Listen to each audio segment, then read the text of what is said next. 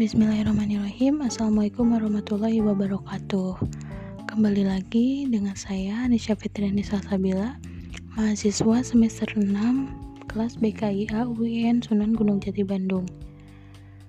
Pada kesempatan podcast kali ini Kita akan coba membahas tentang virus corona Yaitu virus baru yang menyerang pernapasan manusia Dan bisa menyebabkan kematian.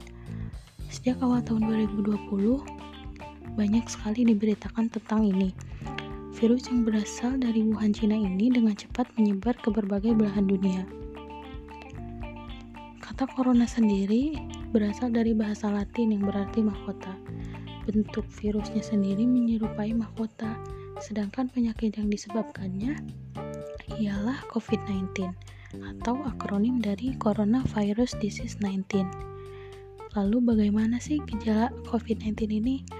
Ciri-ciri virus corona hampir mirip dengan gejala flu, Di antaranya demam tinggi lebih dari 38 derajat Celcius, batuk kering, lemas, sakit tenggorokan, sesak atau kesulitan nafas, dan sakit kepala. Namun, masa inkubasi virus ini sekitar 14 hari. Berarti, jika kamu memiliki virus tersebut hingga 14 hari sebelum kamu menyadari gejalanya, maka jika memiliki gejala tersebut dalam fase 14 hari, maka segeralah periksakan dirimu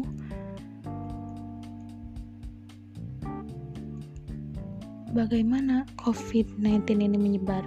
Virus corona ini bersifat zootonik.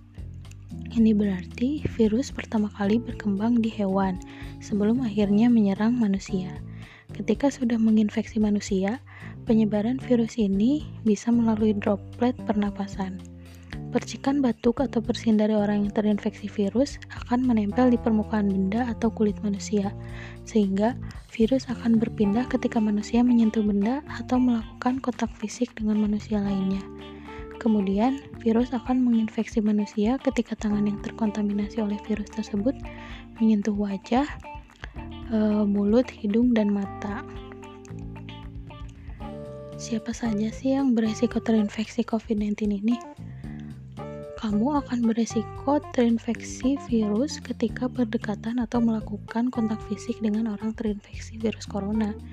Namun, ada beberapa faktor yang membuat orang memiliki resiko lebih tinggi terinfeksi virus ini. Dilansir dari WHO, pada akhir Januari lalu, melaporkan rata-rata orang yang terinfeksi virus corona ini berada di usia sekitar 45 tahun dan 2 per 3 nya merupakan laki-laki. Itu berarti orang tua dan laki-laki lebih rentan terinfeksi virus corona. Selain itu, orang dengan penyakit penyerta juga lebih rentan terinfeksi COVID-19 ini. Lalu bagaimana cara penanganannya? Para ahli kesehatan masih berusaha menemukan vaksin serta cara penanganan yang efektif untuk menghadapi virus ini. Tapi hingga saat ini kebanyakan negara mengambil tindakan isolasi atau karantina wilayah untuk menahan penyebaran virus corona. Apa saja sih kemungkinan komplikasi dari COVID-19 ini? Komplikasi paling serius dari infeksi COVID-19 adalah sejenis pneumonia yang disebut Novel Coronavirus Infected Pneumonia atau NCIP. Penelitian dari 138 orang dengan NCIP yang dirawat di rumah sakit di Wuhan, sekitar 26 persennya mengalami penyakit yang parah dan harus dirawat di ruang ICU, dan sekitar 4,3 persennya di, di antaranya mengalami kematian. Sejauh ini, NCIP merupakan satu-satunya komplikasi yang terkait dengan COVID-19, tetapi para peneliti masih mengamati komplikasi apa yang mungkin juga dialami oleh pasien COVID-19 nantinya. Lalu, bagaimana sih cara mencegah uh, dari terinfeksi COVID-19 ini? Untuk melindungi diri sekaligus menahan penyebaran virus corona, kamu bisa melakukan cara-cara di antaranya mencuci tangan dengan sabun dan air mengalir selama 20 detik. Jika tidak mencuci tangan, bersihkan tangan menggunakan hand sanitizer.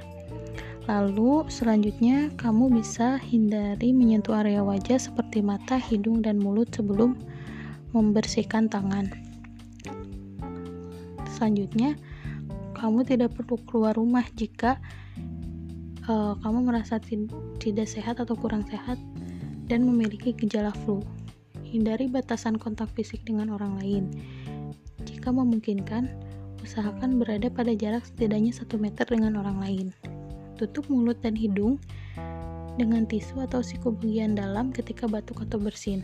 Jika kamu menggunakan tisu, segeralah buang tisu yang uh, digunakan tersebut. Lalu bersihkan barang-barang yang sering kamu gunakan dengan disinfektan seperti handphone, laptop, dan meja. Yang terakhir, terapkanlah gaya hidup sehat mulai dari pola makan, olahraga, serta hindari begadang untuk menjaga kekebalan tubuhmu. Yang artinya kamu perlu tidur dengan jadwal yang baik dan karena jika kamu memiliki tidur yang baik, eh, kekebalan dalam tubuhmu pun akan menjadi baik. Nah, mungkin segitu saja untuk podcast kali ini. Mudah-mudahan bermanfaat. Assalamualaikum warahmatullahi wabarakatuh.